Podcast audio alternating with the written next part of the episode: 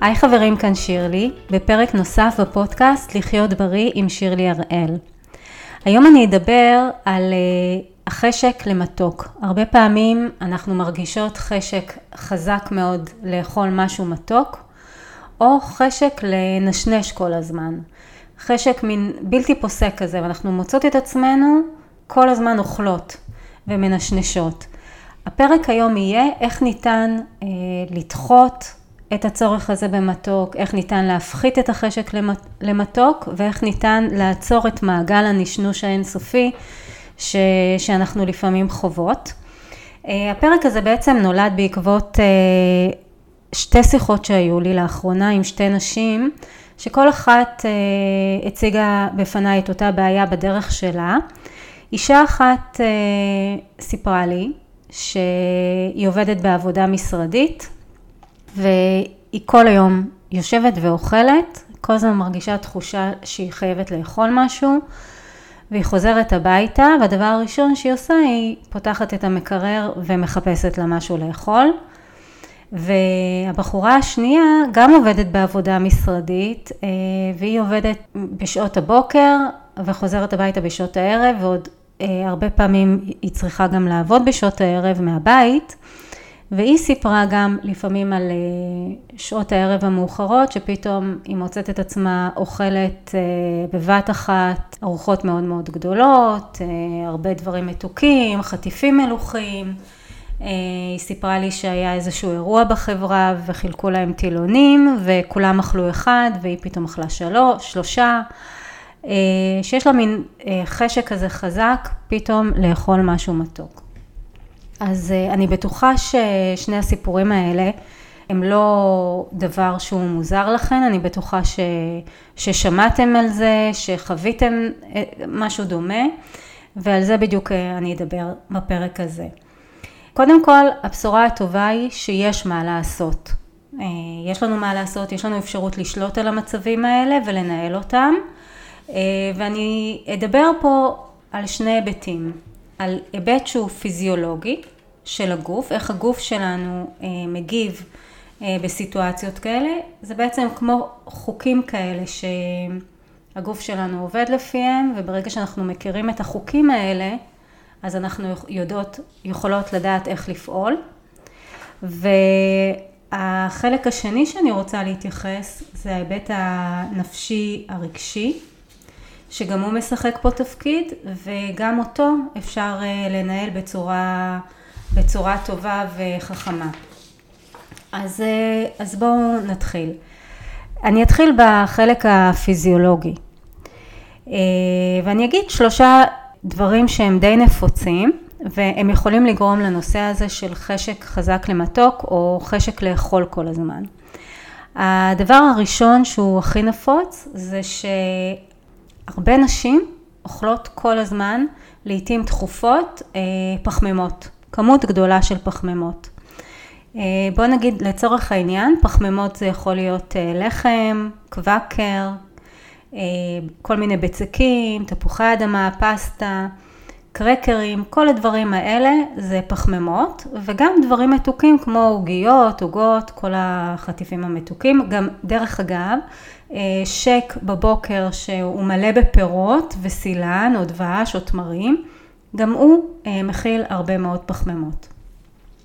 גם חטיפים מלוכים, לצורך העניין, כמו בגלה או טאפו צ'יפס, דברים כאלה, בסופו של דבר הם פחמימות, וכל הפחמימות בסופו של דבר מתפרקות בגוף לסוכר.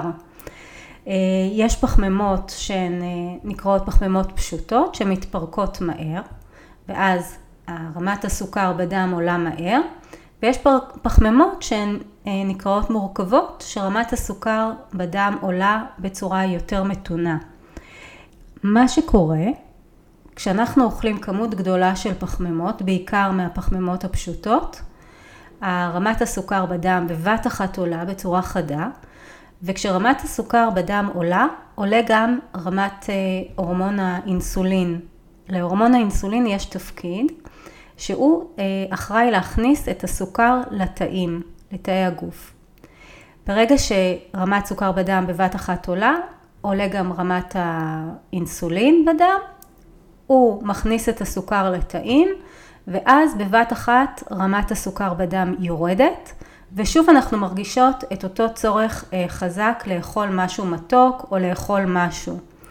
ובדרך כלל הדבר הזה שנרצה לאכול הוא יהיה שוב סוג של פחמימה, כי פחמימה גורמת לנו להרגיש נעים, היא גורמת לנו לשובע מהיר, ואז כל המשחק הזה שיש לנו של לאכול את הפחמימות האלה, עולה רמת סוכר בדם מהר, ואז שוב יורדת מהר, שוב אנחנו מרגישות את הצורך לאכול, וכאן נוצר איזשהו מעגל אה, שהוא חוזר על עצמו של אה, אכילה בלתי פוסקת.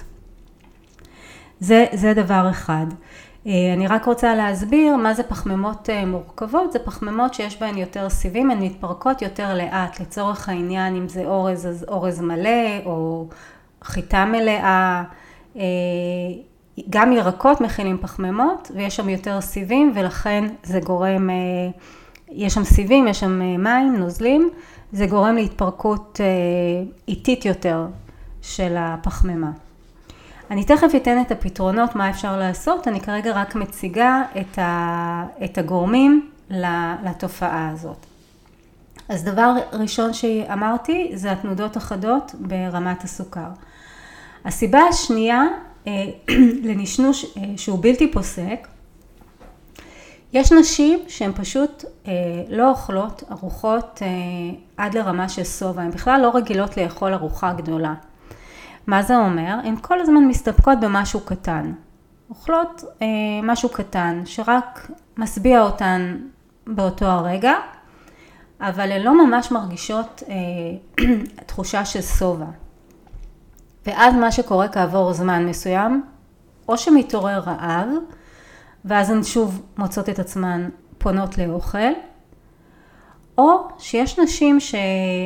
אה, אני אגיד את זה ככה, שהן אפילו לא יודעות מה זה תחושה של רעב. יש נשים שהן כל הזמן אה, אוכלות באופן רציף, אוכלות משהו קטן, ואז ברגע שהן מרגישות טיפה צורך אה, לאכול משהו, זה לא באמת רעב, זה רק מין חשק למשהו לאכול, הן כבר אוכלות שוב. כלומר, הן לא נותנות לעצמן, לא, הן לא יודעות אפילו מה זה תחושה ממש של שובע, זה פשוט לא תחושה של רעב, אבל זה לא תחושה של שובע, והן לא יודעות מה זה תחושה של רעב, כי הן אפילו לא מנסות או לא מצליחות לרווח בין הארוחות. אה, ברגע שאנחנו מרווחות בין הארוחות, אנחנו גם יכולות לתת לעצמנו את התחושה של רעב, של לדעת מתי אני רעבה, ואז כשאני אוכלת, אני יודעת מתי אני שבעה, אני אוכלת עד, עד רמה של שובע שהוא נעים. ברגע שאנחנו לא, לא עושות את זה, אז אה, או שאנחנו נשארות רעבות, אנחנו מסתפקות במשהו קטן ואז נשארות רעבות, וכעבור זמן קצר אוכלות שוב משהו, או שאנחנו כל הזמן במין... אה, אה, אוכלות משהו קטן, אוכלות משהו קטן, וברגע שיש טיפה חשק אה, נוסף לאכול, אוכלות את הדבר הבא. הנקודה הנוספת ש... שיכולה לגרום לדבר הזה, אה, קשורה. לנוירוטרנסמיטר דופמין. עכשיו דופמין מופרש בגוף שלנו בכל מיני מצבים ויש לו כל מיני תפקידים, אבל בהקשר הזה שלנו, של הפרק הזה היום, הוא מופרש כשאנחנו עומדים מול פיתוי. כשיש לפנינו איזושהי עוגה או איזשהו גלידה או משהו שנורא נורא מתחשק לנו לאכול, מופרש הדופמין, ומה עושה הדופמין? הדופמין מעלה לנו את, ה, את, את התחושה שאני חייבת לאכול את הדבר הזה, כי אם אני אוכל את הדבר הזה אני ארגיש טוב. כלומר, הוא יוצר אצלנו ציפייה להרגיש טוב. ולא רק שהוא יוצר אצלנו את הציפייה, הוא יוצר אצלנו את התחושה של אה, דחיפות. אני חייבת לאכול את זה, ומין אפילו סוג של סטרס, של חרדה. שאם אני לא אוכל את זה עכשיו, אז, אז אה, אני לא יודעת מה יקרה לי. אני ממש חייבת לאכול את זה עכשיו, כי זה ייתן לי להרגיש טוב. ברגע שאנחנו אוכלות את אותו דבר, את אותו הפיתוי, זה לא אומר שאנחנו נרגיש טוב. הוא רק גורם לנו לציפייה הזאת. ברגע שאנחנו אוכלות את אותה עוגייה, את אותו גלידה, אז רמת הדופמין יורדת, ואז או שנהנינו מהאוכל או שלא, בדרך כלל אנחנו נרגיש קצת תחושה של אשמה, תחושה של ביקורתיות, מה הייתי צריכה לאכול את זה.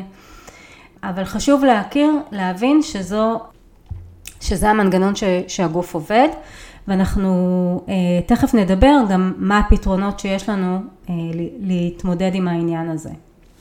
אז בואו נדבר בכלל על הפתרונות לשלושת ההיבטים האלה הפיזיולוגיים שדיברתי עליהם. אז אני מזכירה שוב, דיברתי על נושא של תנודתיות אה, חדה ברמות הסוכר בדם, שהיא כתוצאה מאכילה של הרבה פחמימות, בעיקר פחמימות פשוטות, אבל לא רק. ההיבט השני שדיברתי עליו זה שאנחנו אה, לא באמת חוות תחושת שובע, אנחנו מסתפקות במשהו קטן ואז אנחנו נשארות רעבות ו, אה, ואז כעבור זמן קצר מרגישות את הצורך לאכול שוב. הנקודה השלישית שדיברתי היא אה, ה neurotransmitter דופמין, שהוא אה, גורם לנו כשאנחנו עומדות מול פיתוי, הוא גורם לנו אה, להרגיש את הדחיפות הזאת ואת הצורך לאכול את אותו פיתוי, את אותו מזון שעומד מולנו, עכשיו, כאן ועכשיו ומיד, כדי שאנחנו נרגיש טוב. בעצם, מה הפתרונות ש, ש, שיכולים לעזור לנו עם שלושת ההיבטים האלה? הדבר הראשון, בעצם יש שני פתרונות אה, הדברים, שתי הנקודות הבאות שאני אדבר עליהן, ברגע שתיישמו אותן, הם אה, ייתנו לכם אה, שינוי משמעותי, אתם תרגישו ממש שינוי גדול והצורך למתוק יפחת משמעותית.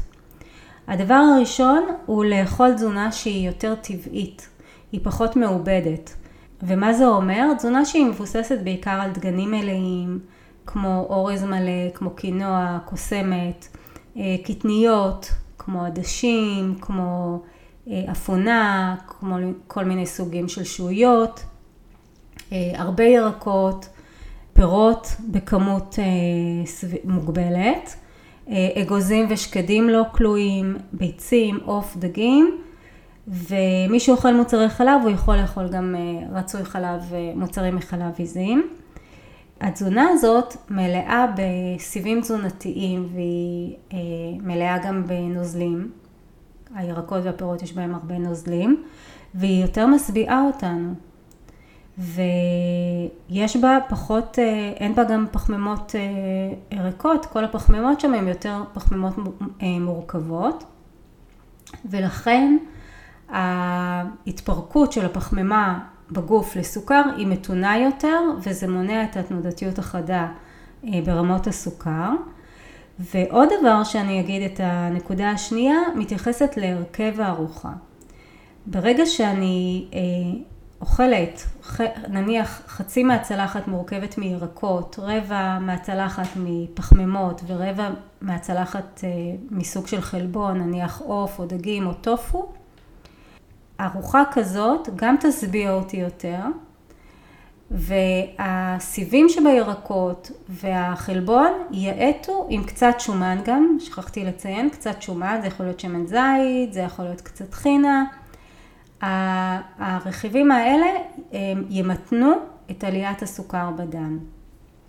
עכשיו, אפילו לסדר של האכילה יש משמעות. אני הזכרתי את זה קודם באחד הפרקים הקודמים שדיברתי על אה, איך לאזן את רמות הסוכר בדם.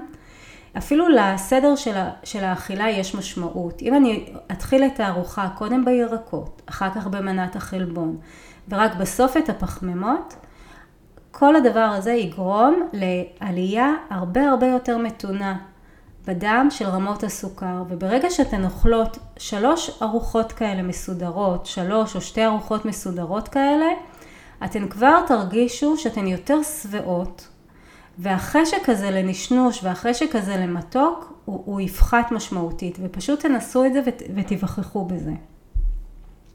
נקודה נוספת שאנחנו, שיכולה לעזור לנו, ברגע שאנחנו כן אוכלים אה, ארוחה עם הרבה פחמימות, אנחנו יכולים לצאת להליכה של 30 דקות אחרי האוכל. זה גם אה, עוזר למתן את עליית הסוכר בדם. והנושא שהזכרתי עוד קודם, אכילה עד רמה של שובע נעים, אוקיי? ואני אומרת לא לפחד מקצת תחושה של רעב בין, בין הארוחות. שוב, אמרתי, יש נשים שפוחדות גם לאכול ארוחה, כאילו, ארוחה, בוא נגיד, אה, מזינה, כמו שצריך, עד לרמה של שובע נעים, הן תמיד מסתפקות במשהו קטן, ואז ברגע שהן מרגישות טיפה חשק לאכול, אז הן אוכלות שוב את הדבר הנוסף, אז הן לא מרגישות באמת את התחושה של שובע, והן לא מרגישות תחושה של רעב. אנחנו צריכות לנוע בין רמה של שובע נעים, לא תחושה של מלאות, לא תחושה שאנחנו מתפוצצות, אבל תחושה של שובע נעים. ותחושה כזאת יכולה לבוא אה, מ, משתי הנקודות הקודמות שדיברתי עליהן, מתזונה שהיא פחות מעובדת, תזונה שהיא יותר טבעית, ומהרכב ארוחה שהוא אה, מסודר כמו שדיברתי עליו קודם. ואז פשוט לרווח בין הארוחות ולתת לעצמנו להרגיש קצת תחושה של, אה, קצת תחושה של רעב. עכשיו, אם אנחנו ממש מרגישות רעב בין הארוחות, אז אנחנו יכולות לאכול חופן של אה, שקדים או אגוזים. אנחנו יכולות אה, לאכול תפוח עם מעט קינמון. לפעמים גם שתייה של תה צמחים, תה ירוק, גם עוזרת להשקיט. ולפעמים זה בכלל לא תחושה של רעב. לפעמים אנחנו מיובשות. והגוף פשוט אה, זקוק לעוד נוזלים, ואז אה, שתייה של כוס מים יכולה אה, לתת לנו תחושה מספיקה. אז אה, זה הנקודה הזאת. עכשיו לגבי דופמין. אה, הדופמין מופרש יותר כשאנחנו אה, רעבות, כשאנחנו עייפות, אם אנחנו טרודות במשהו, כשאנחנו נמצאות בתקופה של סטרס. אם אנחנו הפעלנו כבר באותו יום הרבה את כוח הרצון, אז יהיה לנו קשה, עוד יותר יופרש לנו הדופמין, יהיה לנו הרבה יותר קשה לעמוד, לעמוד מולו. והוא מופרש כשיש לנו את הפיתויים האלה מול העיניים. אז בהקשר הזה, קודם כל כשאנחנו אוכלות את הארוחות האלה, שלוש ארוחות מזינות, כמו שאמרתי קודם, בהרכב הזה שעד תחושה של שובע נעים, אה, זה, זה מהווה לנו פתרון גם לנושא של דופמין. ברגע שאנחנו יותר מלאות, אנחנו יותר שבעות, אנחנו, הפיתוי הזה שעומד מולנו כבר פחות משחק תפקיד. הוא, הוא, הוא לא כזה משמעותי מבחינתנו. אה, דבר נוסף זה לנהל את הסטרס ולהקפיד על שינה מספקת, כי דיברנו על זה שכשאנחנו בסטרס וכשאנחנו עייפים, אז אנחנו יותר, אה, יותר ניטה, לה, פחות נוכל לעמוד בפני הפיתויים. אה, עוד פתרון שיכול להיות גם כן פתרון טוב, נניח שאני כבר עומדת מול הפיתוי הזה ונורא נורא מתחשק לי לאכול אותו, אם אני אקח כוס מים, אני אשתה כוס מים ואני אגיד לעצמי, אוקיי, אני מחכה עכשיו עשר דקות ואחרי העשר דקות האלה אני, אני, אני אוכל את העוגייה. בינתיים אני הולכת. אני לא נשארת מול העוגייה, אני הולכת לחדר אחר, אני הולכת למקום אחר, אבל אני יודעת שעוד עשר דקות אני, אני אחזור ואני אוכל את העוגייה הזאת. בעצם בעשר דקות האלה חלק, ואני שתיתי את המים, אז חלק מהדופמין קצת נספג. ודבר נוסף, בעצם אני פתאום מפעילה את שיקול הדעת, אני פתאום אה, מתחילה לעבוד עם העונה הקדם מצחית של המוח, ששם בעצם מופעל לי יותר שיקול הדעת, ואז אני כבר לא באטרף כזה על המתוק. עכשיו, כעבור עשר דקות, או שאני אחליט בסוף לא לאכול את העוגייה, או שאני בכל זאת אחליט לאכול את העוגייה, אבל אז אני אבוא, אני אוכל את העוגייה, אבל אני כבר, אני כבר אוכל אותה ממקום שהוא יותר שקט, פחות באטרף, וסביר להניח שאני אוכל פחות ממה שהייתי אוכלת אה, אם לא הייתי עושה את ההפסקה הזאת של העשר דקות.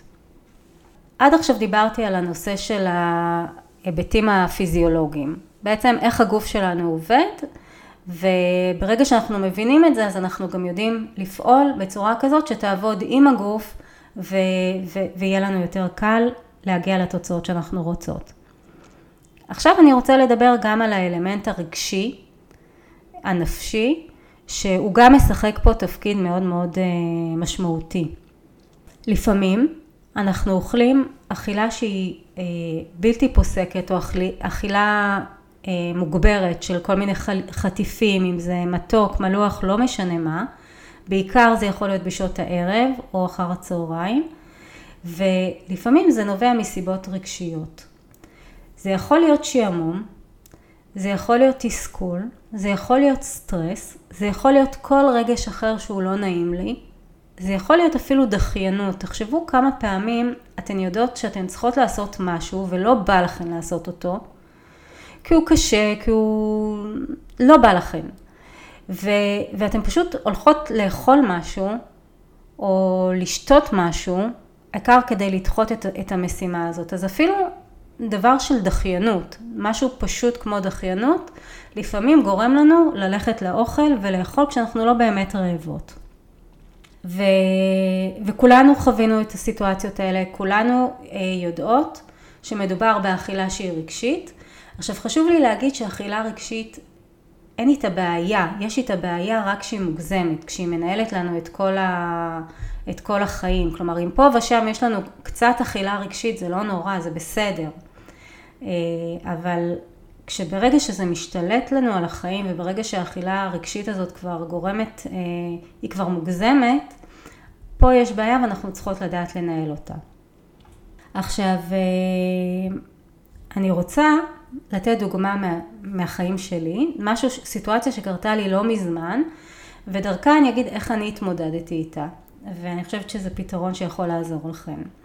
הייתי לפני כמה ימים בשיחה עם איזה אשת אה, מקצוע, הייתה שיחה מאוד נעימה, ובמהלך השיחה עלו לי כל מיני תובנות. עלו לי כל מיני תובנות שגרמו לי אה, לאיזושהי תחושת הצפה, הצפה רגשית.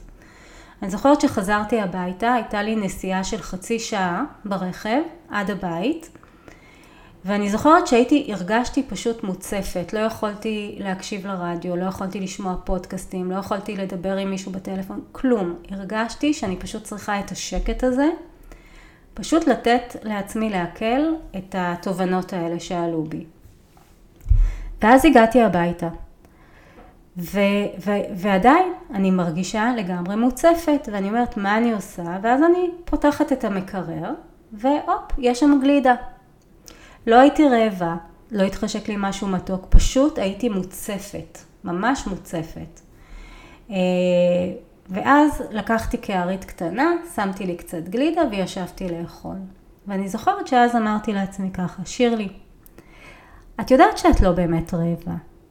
את יודעת שאת לא באמת רוצה עכשיו גלידה. בעצם את אוכלת אכילה רגשית. את אוכלת אכילה רגשית כי בעצם את מרגישה מוצפת. אז אוקיי, תשבי, תאכלי את הגלידה שלך, תסיימי אותה, ואז תכיני לך את התה צמחים שלך, תשתי אותו, תירגעי ותאבדי את מה שהיה שם בפגישה, את התובנות שעלו לך.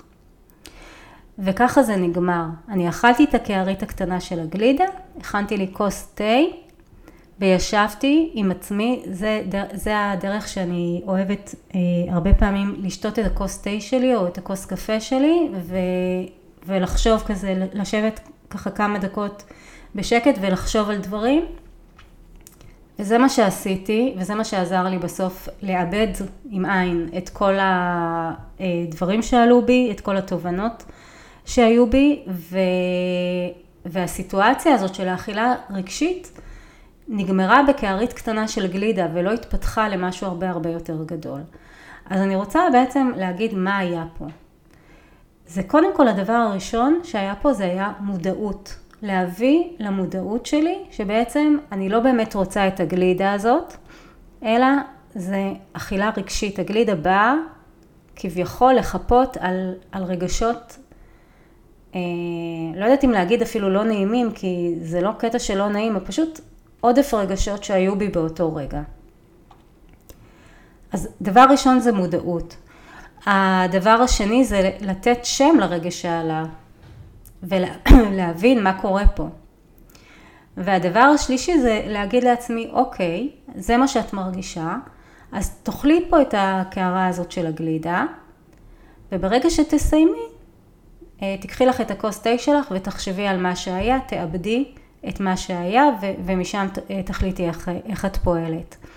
ו- וזה אומר שבעצם נתתי לעצמי אלטרנטיבה לפתרון שהוא באמת פתרון אה, יותר אפקטיבי ל, לרגשות שחוויתי באותו הרגע. עכשיו, אה, מה, מה היה פה? היה פה גם את הנושא של מודעות, גם היה פה את הנושא של לשים גבול, כלומר, אני לא אומרת לעצמי, אל תאכלי לגמרי את הגלידה, יכולתי גם להגיד לעצמי, אל תאכלי לגמרי את הגלידה, אבל אם כבר שמתי לי את הגלידה הזאת בקערה, וקערה קטנה, זה, זה לא היה נורא. אז אכלתי פה את הגלידה הקטנה הזאת, אבל התייחסתי לעצמי בצורה של, אה, בצורה יותר חומלת ולא שיפוטית ולא ביקורתית, אלא בצורה ש, שמבינה את הסיטואציה, מכילה אותה, ומוצאת את הפתרון האפקטיבי, אה, שהוא באמת יותר אפקטיבי לניהול הרגשות מאשר האכילה.